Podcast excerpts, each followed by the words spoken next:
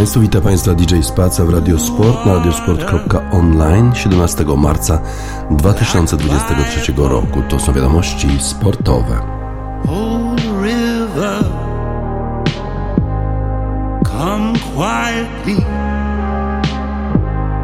Just asking a glass of water. Don't try me. Nobody gonna pick me up. I'm falling down, and I'm very bound. Now nobody won't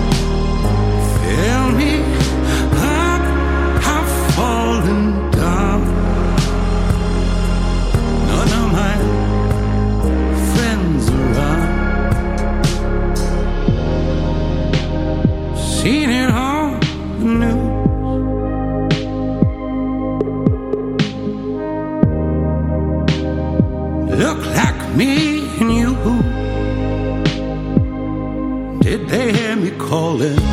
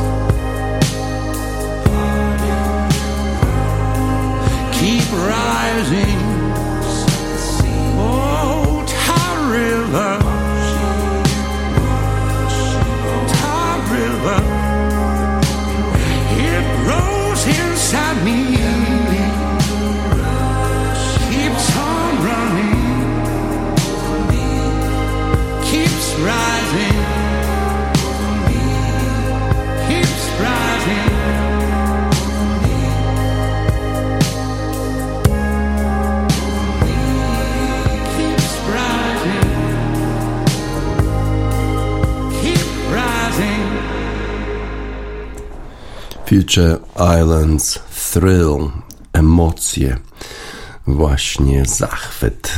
Polskie media pieją wręcz zachwytu, bo historyczny awans do ćwierćfinału e, trzeciej Ligi Europejskiej, Ligi Konferencji wywalczył Lech Poznań. Historyczny awans Lech Poznań w ćwierćfinale Ligi Konferencji. A rzeczywiście Lech Poznań pokonał po świetnym meczu w Sztokholmie Djurgården 3 do 0 i awansował do ćwierćfinału Ligi Konferencji UEFA. To pierwszy awans polskiego klubu do tej fazy europejskich rozgrywek od 27 lat. No trzeba tylko dodać, że trzeba było wprowadzić tą trzecią Ligę Europejskich Rozgrywek, żeby polski zespół mógł awansować do ćwierćfinału jakichkolwiek europejskich rozgrywek. Dobra postawa w pierwszym meczu skłoniła Johna Vandenbroma do postawienia na podobną jedenastkę. Jedyną zmianą była obecność Bartosza Salamona, który zastąpił Filipa Dagerstala.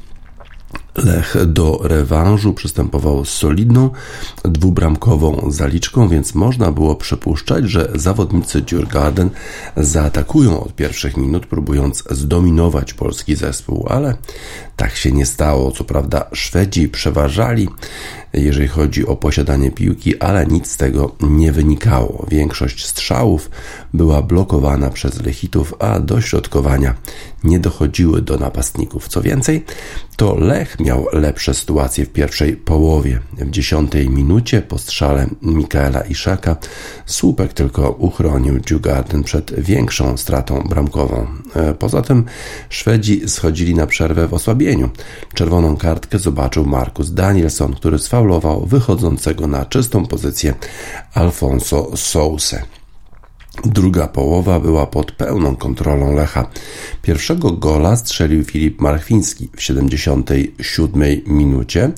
Gospodarze wtedy musieli się otworzyć i w doliczonym czasie gry nadzieli się na dwa kontrataki, które skończyły się bramkami dla zespołu poznańskiego.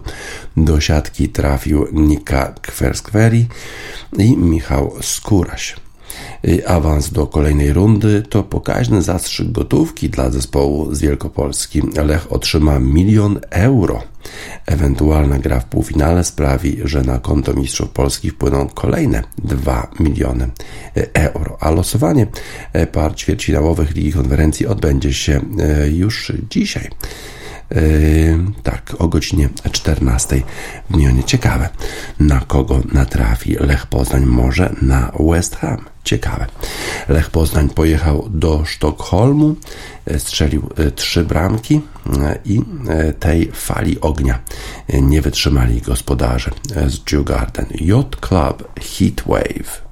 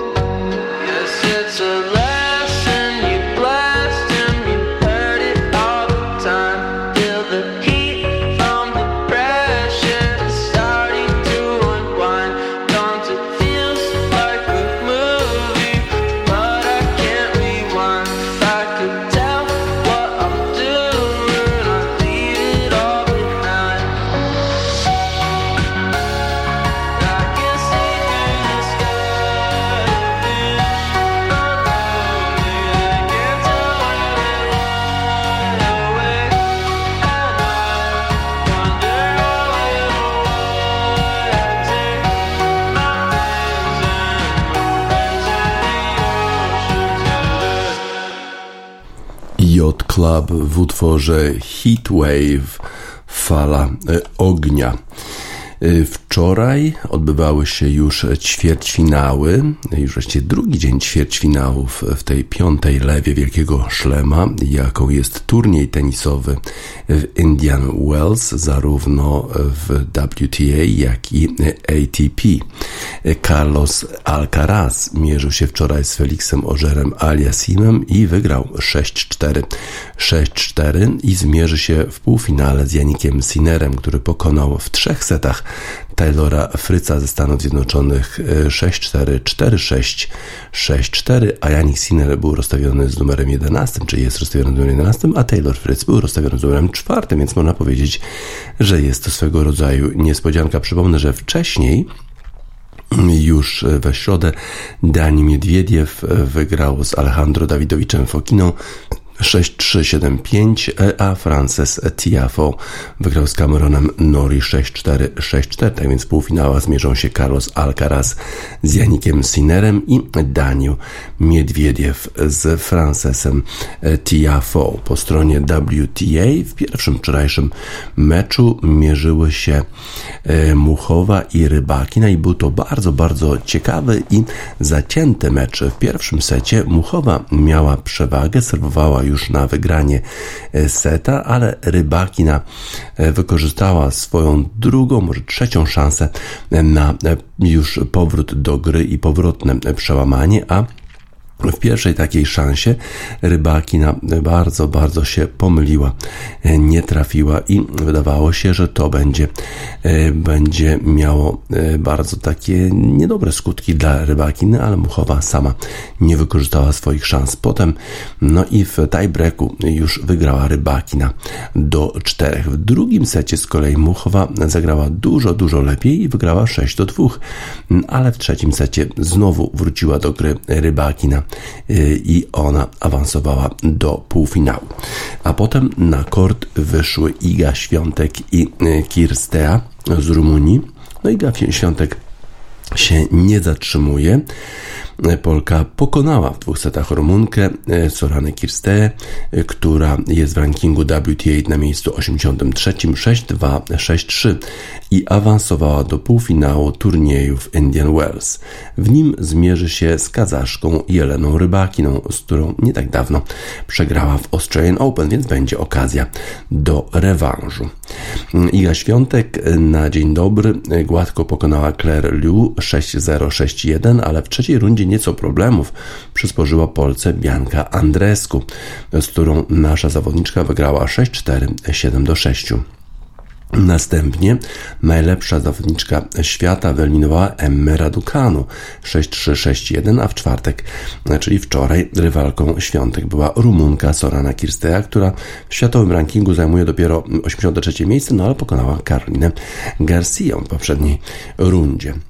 I ta różnica między miejscami obu zawodniczek była widoczna na korcie, choć Kirstea i tak spisała się lepiej niż jej ranking na to wskazuje. Niespełna rok temu podczas Australian Open Polka wygrała dopiero w trzech setach 5-7, 6-3, 6-3. Tym razem poszło naszej zawodniczce sprawniej.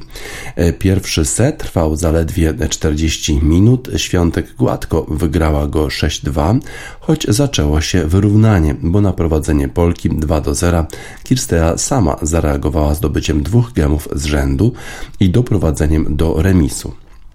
Później jednak liderka rankingu WTA wyraźnie włączyła e, wyższy bieg i była już nieuchwytna dla rywalki z Rumunii. Gładko wygrała trzy gemy, a po zaciętej walce trwającej 10 punktów także czwartego, dzięki czemu mogła cieszyć się też z wygranego seta. W drugiej partii Świątek kontynuowała świetną serię z końcówki pierwszej, trzy kolejne gemy wygrała, tracąc w nich łącznie tylko 4 punkty, ale przy prowadzeniu Polki 3 do 0 jeszcze zerwała się Kirstea. Najpierw przełamała Świątek do 15, a po chwili dołożyła do tego jeszcze wygranego gema przy własnym podaniu i nagle Rumunka znów była w grze. E, końcówka tego seta i meczu należała jednak już do Świątek, która najpierw wróciła do trzygemowej przewagi 5 do 2, a następnie przy stanie 5 do 3 wykorzystała drugą piłkę meczową i mogła świętować już awans do półfinału. Świątek pokonała Kirsteję 6-2, 6-3 w godzinę i 22 minuty. No i rywalką będzie w półfinale kazaszka Jelena Rybakina, która wyeliminowała e, Czeszkę Karolinę Muchową po tym trzystowym pojedynku, o którym wspominałem wcześniej. Z kolei w drugim półfinale zmierzą się Białorusinka Aryna Sablenka, która wydaje się być w rewelacyjnej formie i Greczynka Maria Sakari. E, terminy obu spotkań. Zaraz zobaczymy, jak to wygląda, jeżeli chodzi o e, rozkład dnia, zarówno jeżeli chodzi o WTA, jak i ATP to będzie już dwunasty dzień rywalizacji e, na e, kortach. Dzisiaj jest 17 marca. Najpierw będzie e, mecz w deblu Krejcikowa, Siniakowa, Shibara. Potem kolejny, kolejny mecz deblowy, a dopiero później dwa mecze półfinałowe. Najpierw Sakari z i Świątek z Rybaki. No więc wydaje się to, że to jednak będzie późno. Jeszcze zobaczymy, jak to wygląda po stronie mężczyzn, bo tam e, pokazują nam rozpiskę e, wszystkich w ogóle e, spotkań, zarówno ATP, jak i WTA i rzeczywiście o 11 czasu lokalnego, czyli o 19 będą mecze deblowe a potem y, o godzinie 15, czyli o 23 naszego czasu wychodzą na kort Maria Zakari, Erna Sabalenka, no i dopiero o godzinie 18 naszego czasu, czyli 18 plus 8 o drugiej nad ranem y, jutro w sobotę Iga Świątek z Eleną Rybakiną. Tak więc będziemy mieli pojedynek półfinałowy o drugiej nad ranem e, w sobotę, e, czyli jutro. Czyli jeszcze jest sporo czasu. Iga Świątek może się zrelaksować, może trochę poczytać na przykład Nabokowa, jak w utworze Fontaines DC Nabokow.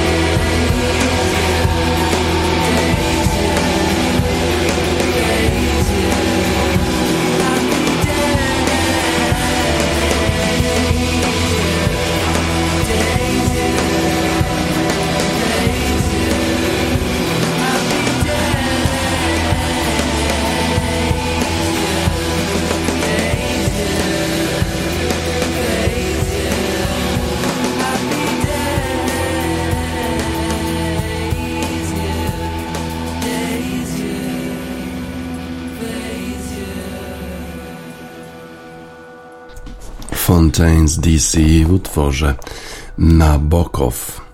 Wczoraj rozgrywano kolejną już rundę skoków w Ro Air w Norwegii w Lillehammer i to Dawid Kubacki okazał się tym razem najlepszy. To już drugi konkurs skoków w norweskim Lillehammer, zaliczany do cyklu Oro Air, a to już szóste zwycięstwo naszego reprezentanta w tym sezonie. Liderem cyklu Roe pozostał w dalszym ciągu Halvor Egner Granerud, a przed skoczkami teraz dwa konkursy na mamuciej skoczni w Vikersund. W Lillehammer organizatorzy od kilku już dni borykali się z problemami związanymi z pogodą, ale i też z niedociągnięciami wynikającymi ze słabego przygotowania. Mimo to udało się rozegrać pierwszy konkurs, a także prolog do czwartego konkursu, w którym awans uzyskało pięciu reprezentantów Polski. Tym, któremu ta sztuka się nie udała, był Jakub Wolny, który co gorsza musiał opuścić kadrę z powodu choroby. Polski Związek Narciarski poinformował, że w dalszej części rywalizacji zastąpi go Andrzej Stękała, którego nie widzieliśmy w Pucharze Świata od listopadowych konkursów w Wiśle. Pierwszym z Polaków, który zaprezentował się na rozbiegu, był Aleksander Zniszczoł, który osiągnął 125,5 metra, co dało mu 23 lokadę i kolejne pucharowe punkty. Metr dalej, jednak z notą wyższą, ponad 5 punktów, wylądował Paweł Wąsek. Dzięki temu E, na półmetku zajmował 17 pozycję i jego również mogliśmy oglądać w drugiej serii. Kamil Stoch, ósmy w serii próbnej, w pierwszej serii konkursowej osiągnął 130 metrów, co dało mu 11 miejsce z niewielką stratą do czołowej dziesiątki. Nasz mistrz olimpijski z pewnością liczył na nieco więcej, ale zostawała mu druga próba, by poprawić swoją pozycję. Dopiero 27 po pierwszej serii był Piotr Żyła, będący ostatnio w słabszej formie. Z jednej strony, biorąc pod uwagę, że jeszcze niedawno został mistrzem świata na skoczni normalnej w planicy, należałoby uznać to za rozczarowanie. Jednak cały cykl ROR 2023 nie układa się po jego myśli tak, że awans i kolejne punkty trzeba mimo wszystko zapisać jako taki mały plus. Zdecydowanie najdalej z naszych zawodników skoczył Dawid Kubacki, który osiągnął aż 137,5 metra. Polach w końcu miał bardzo dobre warunki, przez co stracił kilka punktów odjętych za wiatr, ale mógł odlecieć i był zadowolony ze swojej próby. Na półmetku konkursu był na czwartej pozycji, tracąc, tracąc zaledwie 40 punktu do trzeciego Stefana Krafta. Po pierwszej serii prowadził as Austriak Daniel Czefenik, który skoczył co prawda metr bliżej niż Kubacki, ale miał trudniejsze warunki, dzięki czemu wyprzedzał o 2,4 punktu Angela Niska. Słoweniec oddał najdłuższy skok pierwszej serii, lądując na 139 metrze awansu. Nie zdołali uzyskać do tej 30 m.in. Karl Geiger i Andreas Wellinger.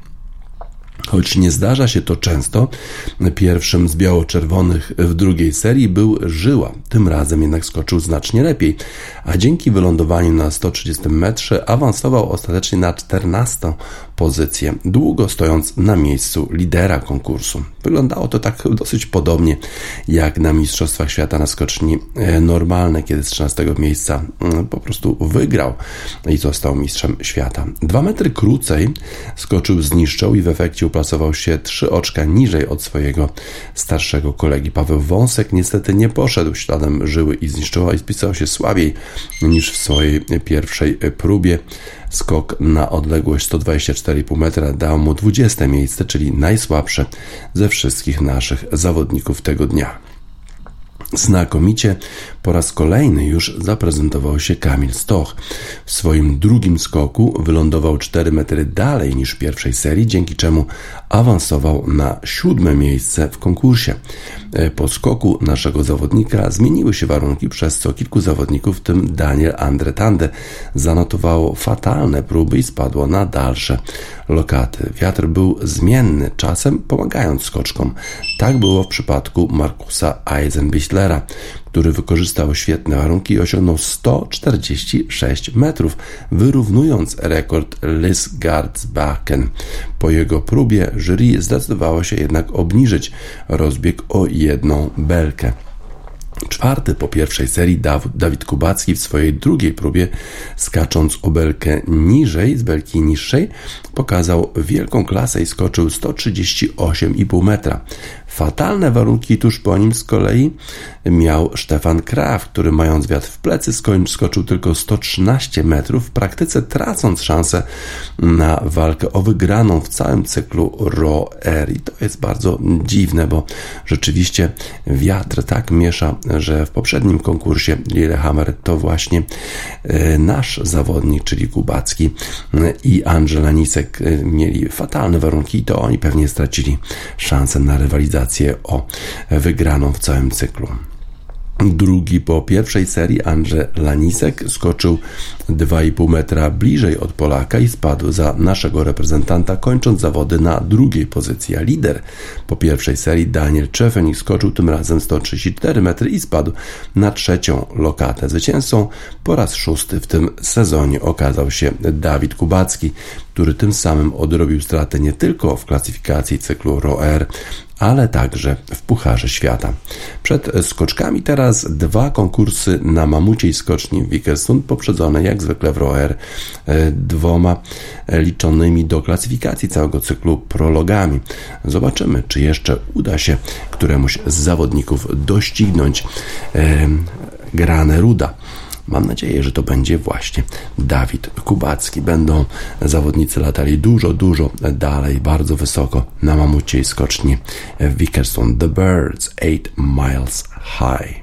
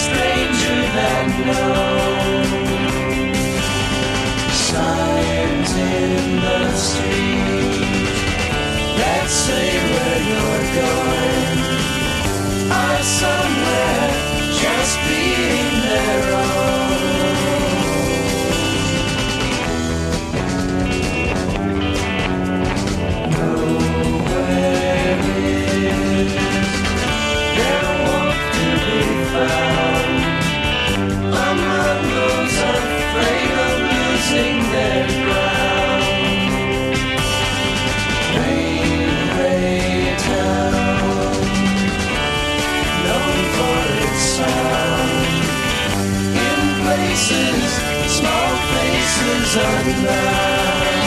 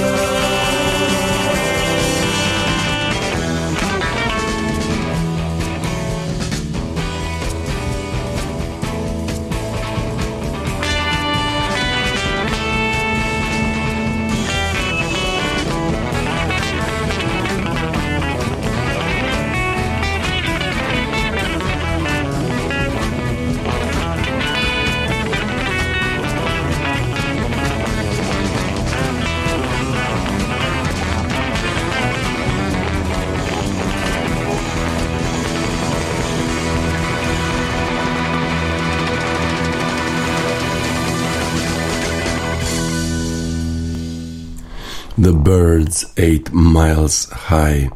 Jak dziwnie układają się losy zespołów piłkarskich. Liverpool dwa tygodnie temu pokonał Manchester United 7 do 0, ale to Manchester United podniósł się po tej porażce.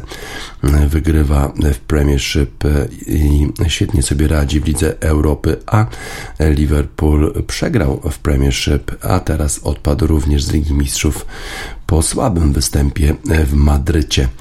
Wczoraj Manchester United mierzył się w jednej ósmej finału Ligi Europy z zespołem Betisu Sevilla. W pierwszym meczu Manchester United wygrał 4 do 1, mimo że Betis Sevilla wyrównał w pewnym momencie, było 1 do 1. Wydawało się, że będzie trudna sytuacja Manchesteru, ale jednak Manchester zwiększył intensywność gry, zdobył jeszcze trzy bramki i jechał do Sevilla właściwie jak po swoje. 55 minut walczył zespół Realu Betis Sevilla, bo jeszcze miał jakieś szanse. Gdyby szybko strzelił bramkę, być może jeszcze dwie udałoby się strzelić i można było doprowadzić do dogrywki, ale po 55 minutach, kiedy to Rashford strzelił bramkę, to e, cały stadion e, wstał i zaczął dziękować swoim piłkarzom za walkę, bo wiadomo było już w tym momencie, że mając taką przewagę już 5 do 1 w sumie, e, to Manchester United nie wypuści tego ze swoich rąk, że właściwie ta walka już jest przegrana, że więcej jakości jest w Manchesterze United niż w Betisie.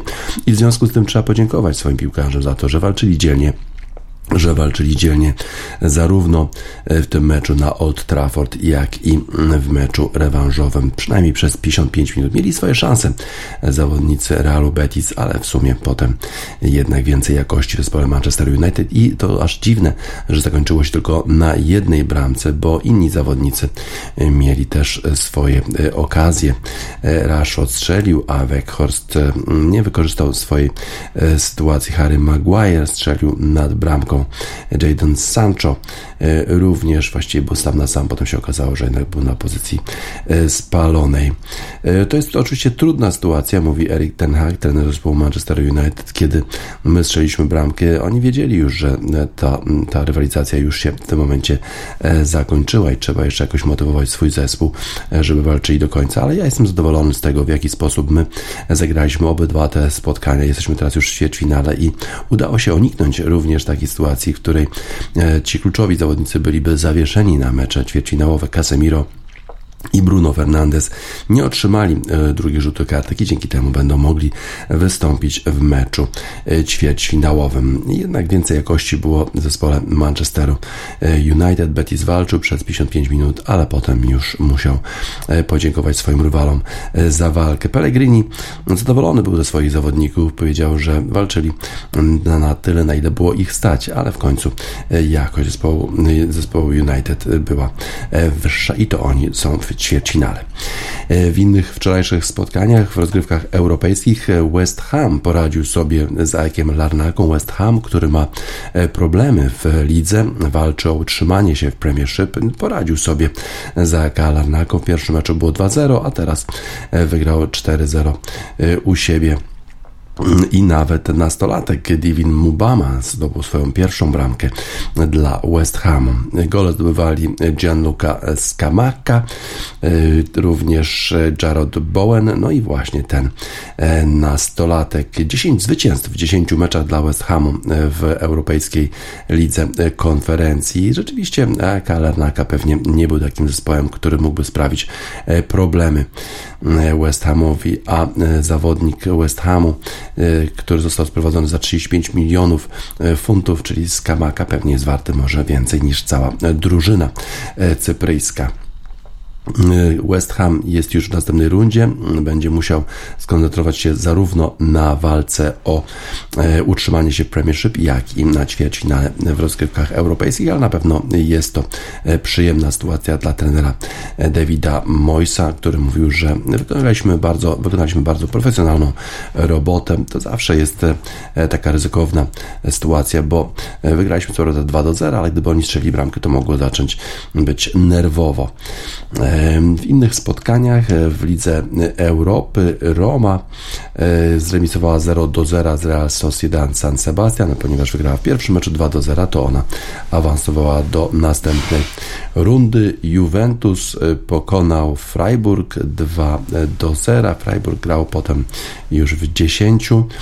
Feyenoord wygrał 7 do 1 z Szatarem Donieck. No i w ten sposób wygrał 8 do 2 w całej rywalizacji. Z kolei e, Sevilla wygrała, mimo że przegrała z e, Fenerbahce.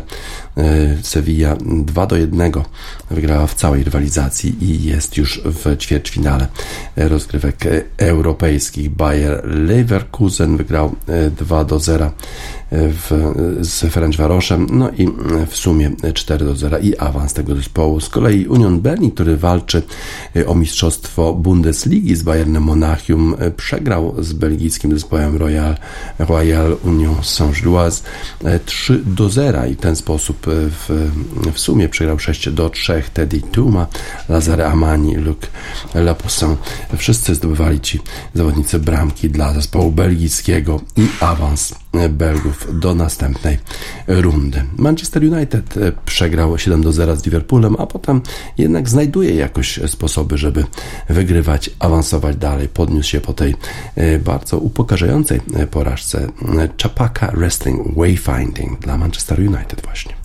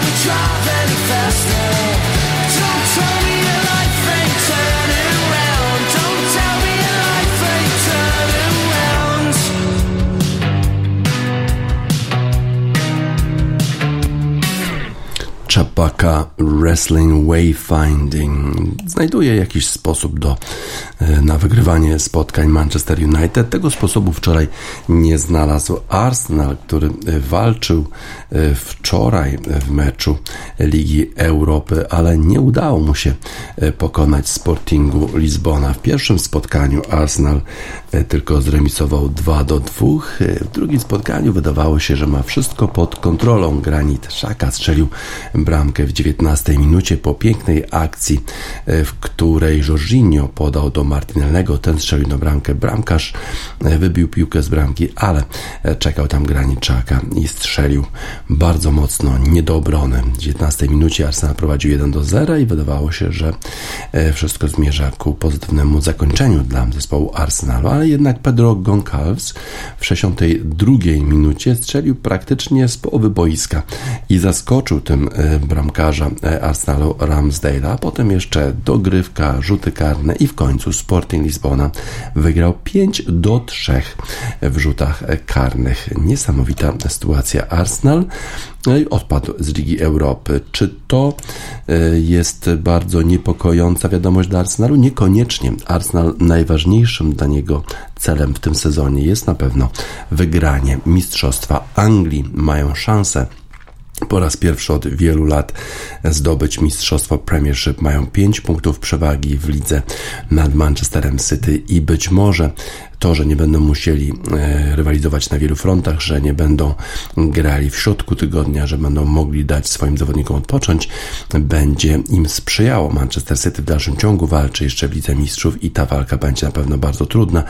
W związku z tym zawodnicy tego klubu będą na pewno bardzo bardziej zmęczeni. E, ale i tak w tym meczu ze Sportingiem Lizbona trochę strat zawodnicy Arsenalu ponieśli, e, trochę kontuzji. Bardzo źle wyglądała E, wyglądała kontuzja e, bocznego obrońcy Tomiasu, e, źle też Saliba, zszedł z boiska również potem jeszcze Lando Trossard. Trossard wydawało się, że również z jakąś kontuzją, a przecież czeka już Arsenal spotkanie w niedzielę z Crystal Palace i to jest najważniejszy mecz dla nich, bo jest to mecz właśnie w Premiership, gdzie walczą z Manchesterem City o prymat w lidze. To za długo trwało na pewno. Gdyby odpadli w regularnym czasie, po 10 minutach, być może nie byliby tak zmęczeni, a tak to będą musieli grać z Crystal Palace, który jest zawsze niewygodnym przeciwnikiem e, po takim, e, po takiej porażce, po 120 minutach, po przegraniu całej rywalizacji w rzutach karnych. Zobaczymy, jak podniesie się E, Arsenal. Na razie wygląda na to, że kontuzja Tomiasu jest poważna i być może mm, będzie go brakować w kolejnych spotkaniach, tak powiedział po tym meczu Mikel Arteta. E, zobaczymy, jak wygląda sytuacja z kolei z, e, z Salibą. Nie wiadomo, czy jego kontuzja również nie będzie poważna. Kiwior był w składzie zespołu Arsenala ten mecz, ale nie wszedł na boisko po tym, jak w pierwszym spotkaniu z, ze Sportingiem w Lizbonie popełnił błąd i być może teraz już nie ma do niego takiego zaufania Mikel Arteta, ale w związku z tymi kontuzjami być może nie będzie miał innego wyjścia i trzeba będzie po takiego Jakuba Kiwiora e, sięgnąć. E, zobaczymy, jak dalej będzie sobie radzić e, Arsenal w lidze, bo to jest teraz już najważniejsza rzecz dla tego zespołu, walka o mistrzostwo Anglii. Na pewno bardzo się cieszy z tego, Mikel Arteta, że wrócił do rywalizacji Gabriel Jesus. Zagrał co prawda tylko jedną połowę, ale e, on i jego umiejętności strzeleckie na pewno przydadzą się w tej końcówce e, sezonu, gdzie jeszcze 11 meczów do rozegrania ma Arsenal i musi większość z nich wygrać, żeby zapewnić sobie Mistrzostwo Anglii, bo na pewno Manchester City nie odpuści i będzie walczyć e, do końca o obronę tytułu Mistrza Anglii. Na razie to powinni pewnie się trochę uśmiechnąć zawodnicy Arsenalu i pomyśleć tylko już o kolejnym spotkaniu z Crystal Palace. Salt, smile and go. Sing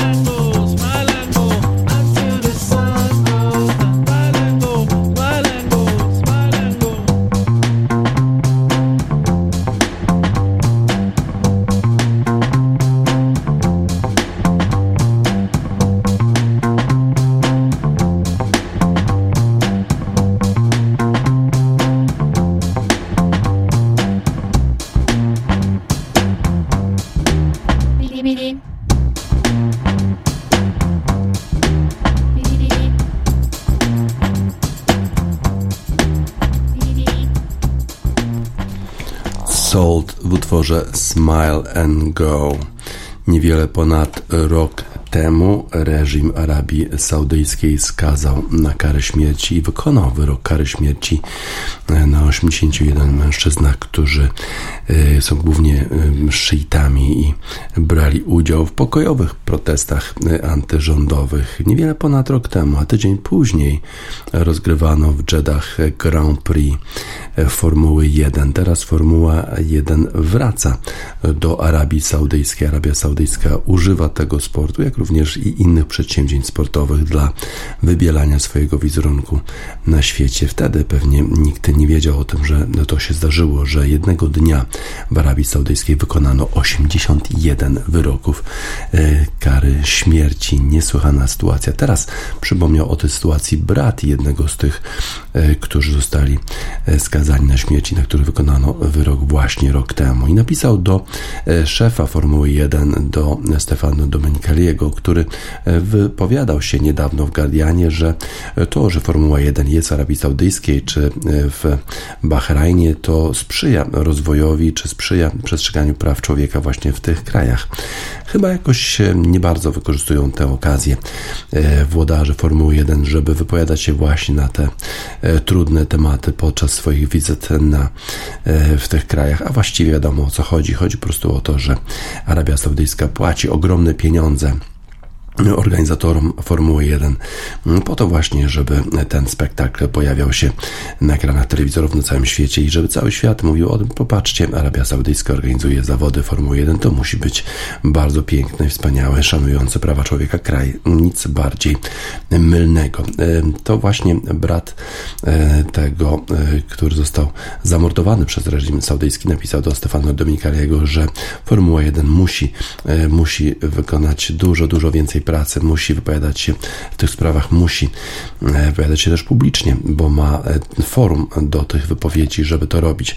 Lewis Hamilton mówił, że on nie będzie milczał, że on będzie się wypowiadał. Zresztą e, była taka sytuacja, gdzie włodarze Formuły 1 mówili o tym, że nie wolno się wypowiadać kierowcom na tematy niezwiązane z Formułą 1, na co zareagowali właściwie większość tych kierowców, że po prostu nie zamkną im ust. No i robi to Lewis Hamilton, mówił to już w Bahrajnie wypowiadał się na temat nieprzestrzegania praw człowieka w tym kraju. Prawdopodobnie będzie się wypowiadał również e, na ten temat podczas pobytu w Jeddah.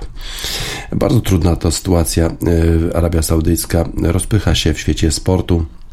Zorganizowała nawet swoją ligę golfową i e, wydaje ogromne pieniądze po to tylko właśnie, żeby tacy gwiazdorzy jak Mickelson, Garcia czy inni wielcy golfiści mówili dobrze o reżimie Arabii Saudyjskiej, który rok temu, przypomnę, wykonał karę śmierci jednego dnia e, na 81 rebeliantach, rebeliantach właściwie, protesta, którzy protestowali, protestujący e, w pokojowej demonstracji przeciwko rządowi, a zostali skazani na karę śmierci. Wyrok wykonano. Niesamowita sprawa.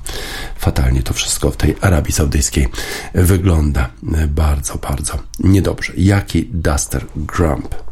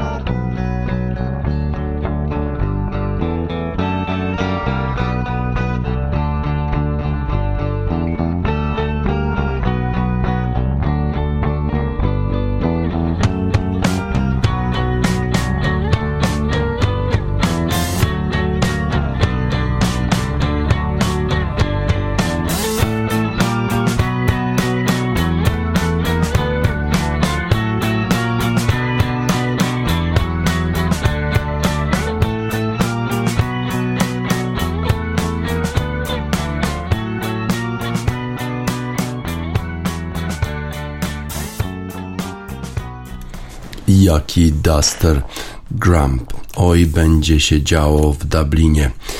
W Dublinie zmierzy się Irlandia z Anglią w Pucharze Sześciu Narodów. Irlandia wygrała wszystkie dotychczasowe mecze i ma szansę na wielkiego szlema. Anglia będzie chciała zepsuć świętowanie Irlandczykom, a w szczególności będzie chciała się zrewanżować e, i pokazać swoim kibicom, że nie jest taka słaba, jak to pokazała w meczu nad Twickenham, kiedy przegrała z Francją 10 do 53. Największa porażka w historii zespołu angielskiego u siebie w swojej świątyni rugby na Twickenham, a teraz jadą Anglicy do Dublina. No i jeszcze dodatkowy smaczek w całej tej rywalizacji. Trenerem zespołu Irlandii jest e, pan Farrell, którego syn gra w reprezentacji Anglii.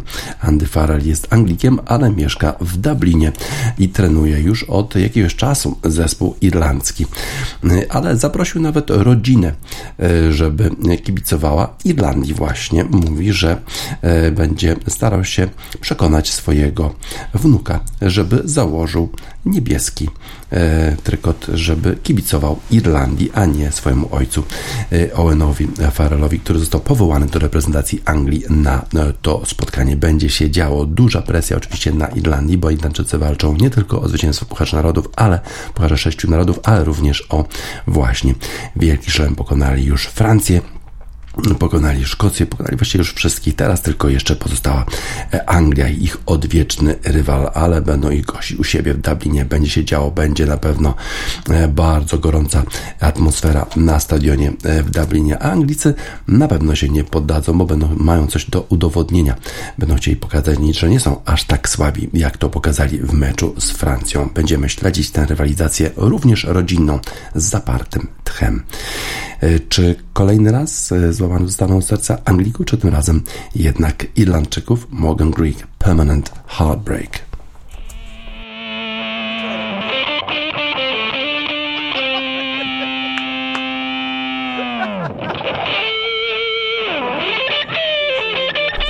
Morgan Greek, Permanent Heartbreak. Już na zakończenie wiadomości sportowych w Radiosport na radiosport.online 17 marca 2023 roku. DJ Spaca żegna Państwa i życzy miłego weekendu.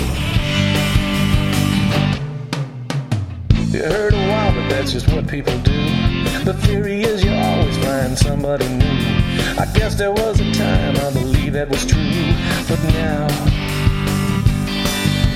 I wander around this house, I can't find nothing to do. I linger over every single picture of you.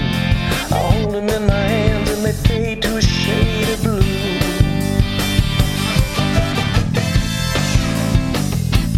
Permanent heartbreak. Permanent heartbreak. Even my dog, he's got a tragical face. Jump up every time somebody drive by the place. For two God's creatures were a fucking disgrace. It's true. I look at Oprah Winfrey, Sally, Jessa, Raphael. You'd think they'd have a way to get me out of this hell. They got a million things to say, but they got nothing to tell to me.